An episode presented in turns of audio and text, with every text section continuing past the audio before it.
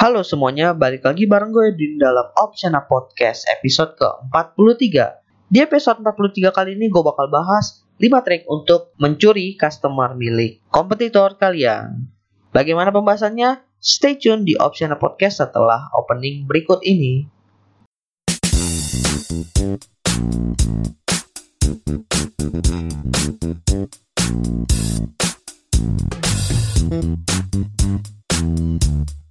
Halo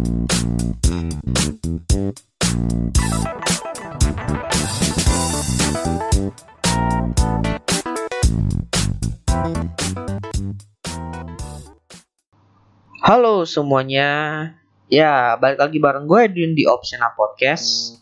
Seperti di judul yang udah kalian baca atau mungkin udah kalian dengar di opening tadi, di episode kali ini gue bakal bahas 5 trik untuk dalam tanda kutip mencuri customer milik kompetitor kalian.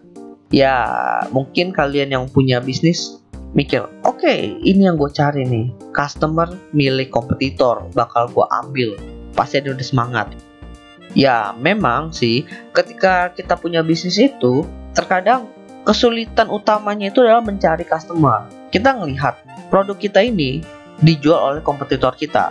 Tapi kok kompetitor kita itu malah produknya lebih laku, lebih banyak customernya. Sedangkan customer kita itu mungkin lebih sedikit dan juga susah untuk dapat customer-customer baru. Kita lihat kenapa customer lama mereka terus balik balik balik balik dan akhirnya kita mikir apa sih yang salah dari proses kita berjualan itu well sebenarnya mungkin ada sedikit problem ketika kalian berjualan itu sehingga kalian kehilangan banyak customer. Tapi bukan berarti kalian itu nggak bisa mendapatkan customer baru atau mendapatkan customer lain. Makanya gue akan sharing nih beberapa trik untuk mendapatkan customer di mana sebenarnya customer ini bisa juga mencakup customer yang baru tapi lebih attracted kepada customer yang mungkin udah pernah beli produk yang serupa daripada kompetitor kalian di mana mungkin mereka udah punya produk knowledge mereka udah punya experience cuma mereka akan menjadi lebih tertarik menggunakan produk tersebut produk yang sama atau mungkin serupa tapi vendornya itu dari kalian Oke, jadi inilah 5 trik mencuri customer dari kompetitor kalian ala Opsiana Podcast. Yang pertama, permainan harga. Kalau ngomongin soal permainan harga, trik ini merupakan trik yang paling mudah dan juga paling sering digunakan oleh semua bisnis di seluruh dunia.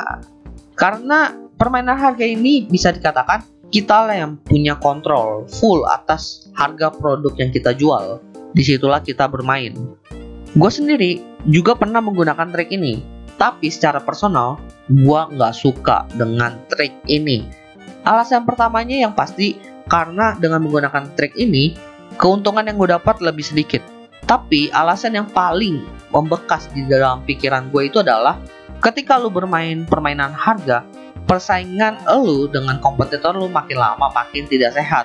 Meskipun attractive, tapi sangat tidak sehat apabila kalian meneruskan permainan trik harga ini dalam kurun waktu yang berkepanjangan. Selain karena tidak sehat kalau diterapkan dalam kurun waktu yang panjang, bisa dibilang permainan harga ini sangat mirip dengan passing bola. Artinya, bisa saja kalian itu produknya ketika murah orang lari pada kalian, tapi kompetitor kalian membuat harganya lebih murah, pergi lagi ke kompetitor kalian. Muncul vendor baru dengan harga lebih murah, kabur lagi ke vendornya. Artinya, sangat tidak memungkinkan untuk customer terus bertahan apabila produk yang kita jual itu bukanlah yang paling murah. Contoh yang paling nyata yang mungkin ada di sekitar kita adalah persaingan harga antara Grab dan Gojek. Ini semua orang pasti tahu di mana tarif yang ditawarkan Gojek dan Grab itu bisa dibilang udah panjang persaingannya. Kadang Grab itu lebih murah, kadang Gojek lebih murah.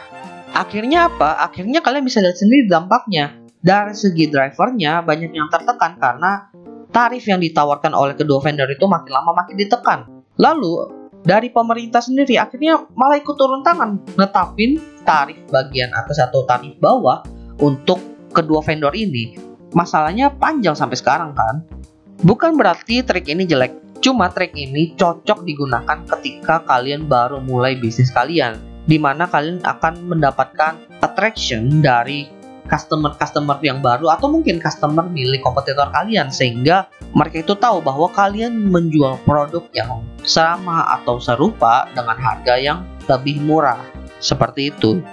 Trik kedua adalah menggunakan advertisement atau promotion yang bisa kalian gunakan melalui beberapa platform atau media lainnya. Sebenarnya ini masuk ke dalam bagian marketing tapi cukup powerful untuk menggait customer customer milik kompetitor kalian. Jadi ketika kalian pasang iklan, artinya kalian ingin mempromosikan produk kalian atau mungkin brand kalian kepada customer-customer. Kalau bicara soal iklan ya sekarang ini iklan itu sangat berhubungan dengan platform-platform digital. Misalnya kayak Facebook, Instagram, yang sosmed-sosmed, YouTube. Karena kan dari mereka itu juga ngeluarin platform advertisingnya sendiri, misalnya Facebook Ads udah nyatu sama Instagram Ads, YouTube Ads.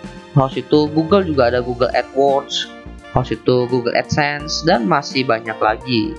Tinggal yang cocok mana sama bisnis kita itu tergantung kitanya sendiri sih. Kadang-kadang ada yang bisa pakai Facebook Ads, tapi ada juga yang udah pakai Facebook Ads tapi nggak jalan-jalan. Nah itu benar-benar harus dicoba sih.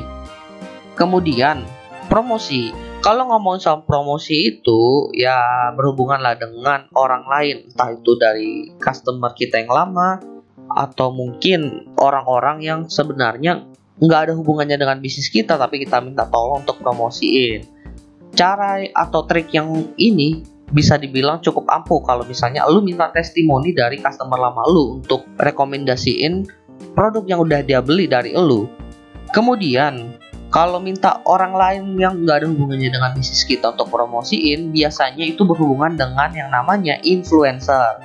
Kalian harus tahu nih, influencer itu ada dua jenis. Yang pertama makro, yang followersnya udah ratusan ribu, udah mau kejutaan, dan juga mikro influencer itu yang followersnya mungkin masih sekitar 8k, 10k, 20k, pokoknya masih rata-rata di bawah 100k-an lah.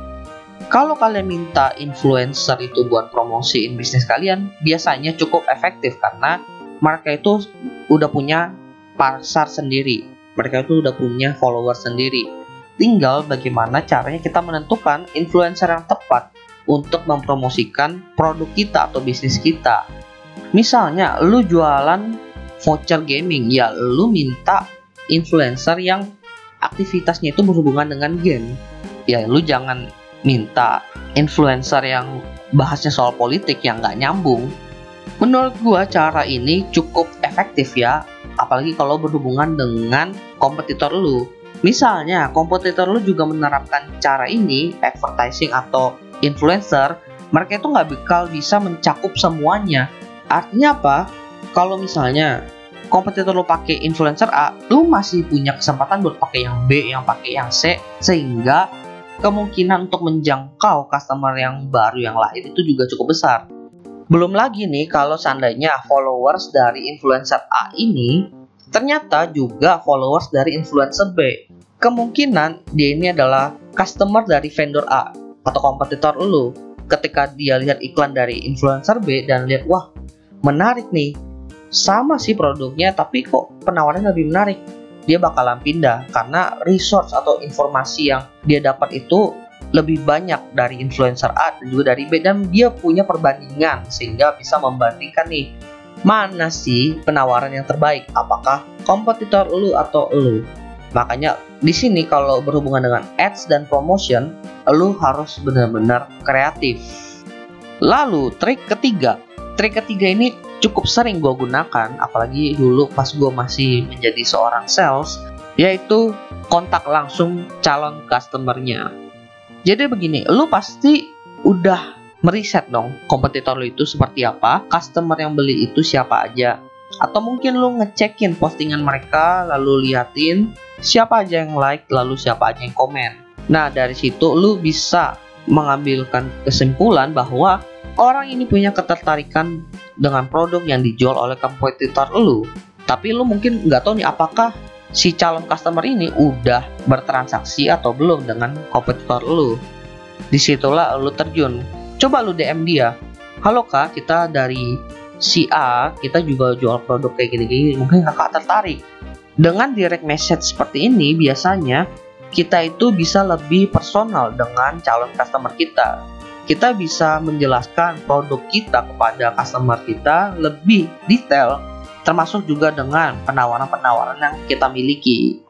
Trik ini cukup bagus kalau seandainya lo punya sebuah penawaran dan lo itu merasa penawaran ini nggak boleh diketahui oleh kompetitor lo yang lain atau lo pengen menyimpan sebuah rahasia tentang promo-promo apa aja sih yang pengen lu berikan kepada customer lu tapi lu tetap pengen mendelivery promo tersebut kepada customer lu secara langsung. Ini adalah cara yang gue bilang cukup cocok. Tapi ingat ketika lu melakukan yang namanya direct message jangan lu kopas chat yang sama antara satu orang ke orang lain. Anggap aja orang yang lu chat ini adalah teman sebaya lu di mana lu ngechatnya dengan menyapa dulu kemudian sampein maksud lu lalu lu tahu dari mana kayak gitu-gitu aja. Kayak lu anggap kenalan dengan orang lain lu pengen lebih dekat dengan dia. Karena gue sering banget tuh dapet DM dari orang-orang yang jualan dia itu langsung kopas sebuah paragraf yang panjang banget dan itu bener-bener bikin gue kesel. Masalahnya kayak nggak ada tujuannya gitu loh. Lu mau jualan apa? Enggak sih kesel gue ngelihatnya udah gitu nggak sesuai target karena gue ngeliat gue lagi nggak butuh ginian. Kalau nawarin gue ginian? Seperti itu. Kalau lu DM setelah lu ngeliat komentar dia di postingan kompetitor kalian setidaknya kalian punya alasan untuk ngechat orang tersebut. Karena dia sempat nanya dan mungkin dia tertarik tapi penawarannya dari kompetitor kita itu belum cocok. Next trik keempat adalah partnership. Jadi ketika kalian nggak mungkin atau nggak punya kemampuan untuk melawan kompetitor kalian dan carilah tambahan tenaga. Tambahan tenaga itu biasanya bisa kalian dapatkan dengan yang namanya partnership. Jadi kalian kerjasama dengan vendor lain atau orang lain. Jadi uh, dari pengalaman gua dan juga teman-teman gua biasanya lu bisa melakukan partnership dengan brand-brand yang sudah ada namanya. Sehingga kalian itu menjual bukan cuma produk kalian tapi juga produk dari brand-brand ternama. Plusnya adalah karena brand itu udah punya nama, kalian akan lebih mudah menjualnya dan orang lebih percaya dengan produk-produk yang kalian jual. Toh udah brand kok dari suppliernya si A nih. Dan juga brandnya udah oke okay, udah lama lah. Tapi minusnya kalau kalian fokusnya mengejual barang ini terus untuk menaikkan kredibilitas kalian, produk asli kalian bisa aja ketutup kalau kalian adalah tipe yang juga memproduksi produk sendiri. Setidaknya kalian kalau menjual produk dengan brand-brand yang ternama tapi juga produksi produk sendiri, kalian itu harus bisa menyeimbangkan. Itu masalahnya. Lalu ada juga partnership di mana kalian itu berpartnership dengan kompetitor kalian. Loh, kan lu mau ngelawan kompetitor kok malah jadi partnership? Ya, ketika lu partnership dengan kompetitor kalian, artinya kalian mengurangi salah satu kompetitor kalian. Itu udah jelas. Tapi kalian bisa lihatlah benefitnya kalau seandainya kalian berpartnership dengan kompetitor kalian. Kalian bisa tahu bagaimana cara mereka berjualan, apa plusnya, apa minusnya. Kemudian kalian juga bisa tahu siapa aja customer yang udah pernah berbelanja atau bertransaksi dengan mereka pokoknya kalian udah bisa ngebaca deh kompetitor-kompetitor kalian itu dari A sampai M lah misalnya nggak sampai Z. Karena nggak mungkin lah mereka itu ngebuka semua rahasianya kepada kalian yang bukan orang dalam.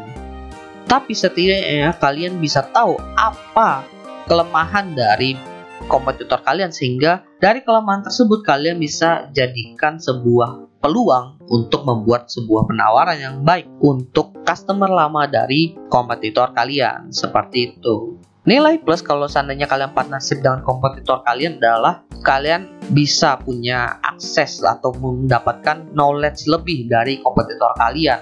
Minusnya adalah ini cukup sulit karena ya namanya kompetitor kok kalau kompetitor itu tahu kalian juga adalah saingan mereka, belum tentu mereka mau partnership. Itu apa untungnya yang ada gue malah rugi seperti itu.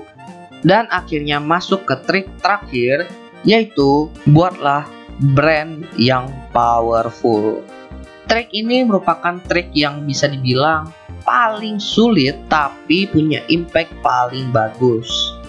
Gary Vee sendiri bilang bahwa kalau lo mengembangkan brand lo dan brand lo itu punya power atau impact yang besar pada customer lo, peningkatan salesnya itu akan melebihi ketimbang kalian fokus ke sales channelnya aja.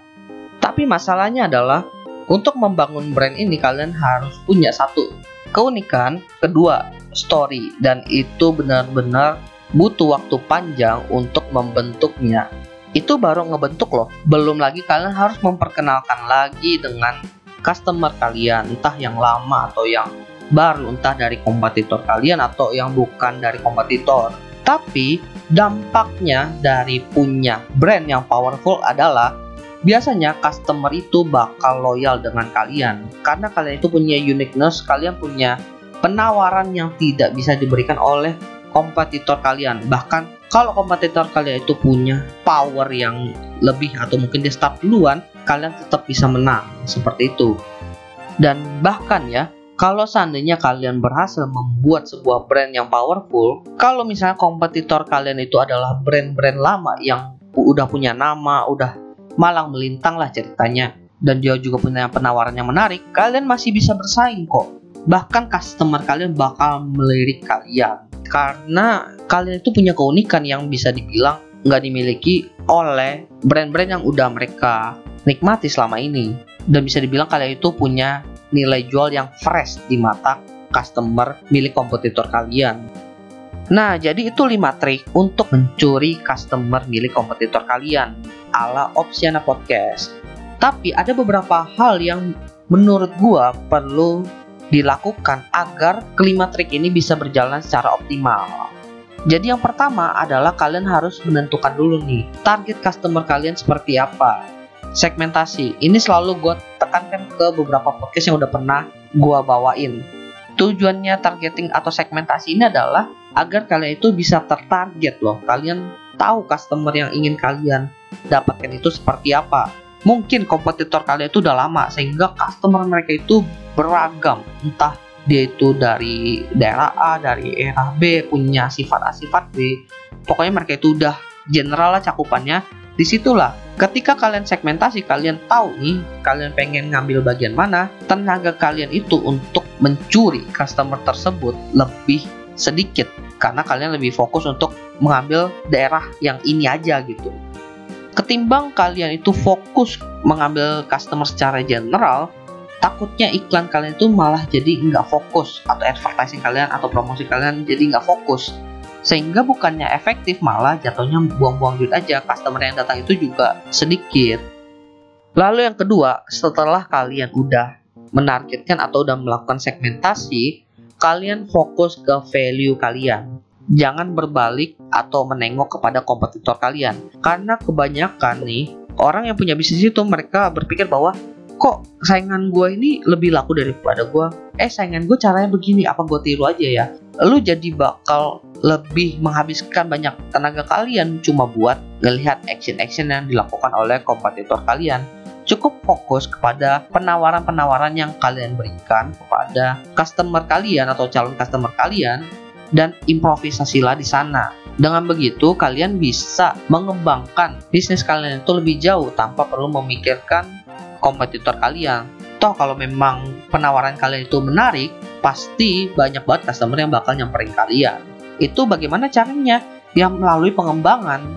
Pasti penawaran pertama itu kurang, tapi kalian kembangin jadi agak bagus mulai bagus lalu akhirnya jadi yang paling terbaik seperti itu dan tips terakhir adalah terus belajar karena mungkin yang gue sebutan itu cuma 5 trik tapi masih banyak banget trik-trik yang efektif untuk mendapatkan customer entah itu dari kompetitor lo atau mungkin customer baru belum lagi dengan kalian belajar trik-trik yang gue sebutin itu masih bisa dikembangkan dan juga penerapannya itu bisa di berbagai macam situasi dan kondisi. Makanya teruslah belajar dan kembangkanlah pemikiran kalian atau strategi kalian untuk perkembangan bisnis kalian. Well, gua rasa itu aja sih yang pengen gue sharing di Opsiana Podcast episode 43 kali ini. Semoga bermanfaat. Dan kalau buat kalian ini cukup membantu, mungkin bisa kalian bantu share pada teman-teman kalian. Jangan lupa follow Instagram Opsiana di @opsiana_media dan juga dengarkan Opsiana Podcast hanya di platform kesayangan kalian seperti di Spotify, Apple Podcast, dan Anchor. Jadi opsi ada di tangan kalian. Perpindahan customer dari vendor A ke vendor B merupakan hal yang biasa dalam dunia bisnis. Jadi bersiaplah saja kepada kalian yang punya bisnis karena bisa saja hari ini customer milik kalian, besok bukan milik kalian. Sekian dari gue Edwin Opsiana Podcast. Thank you.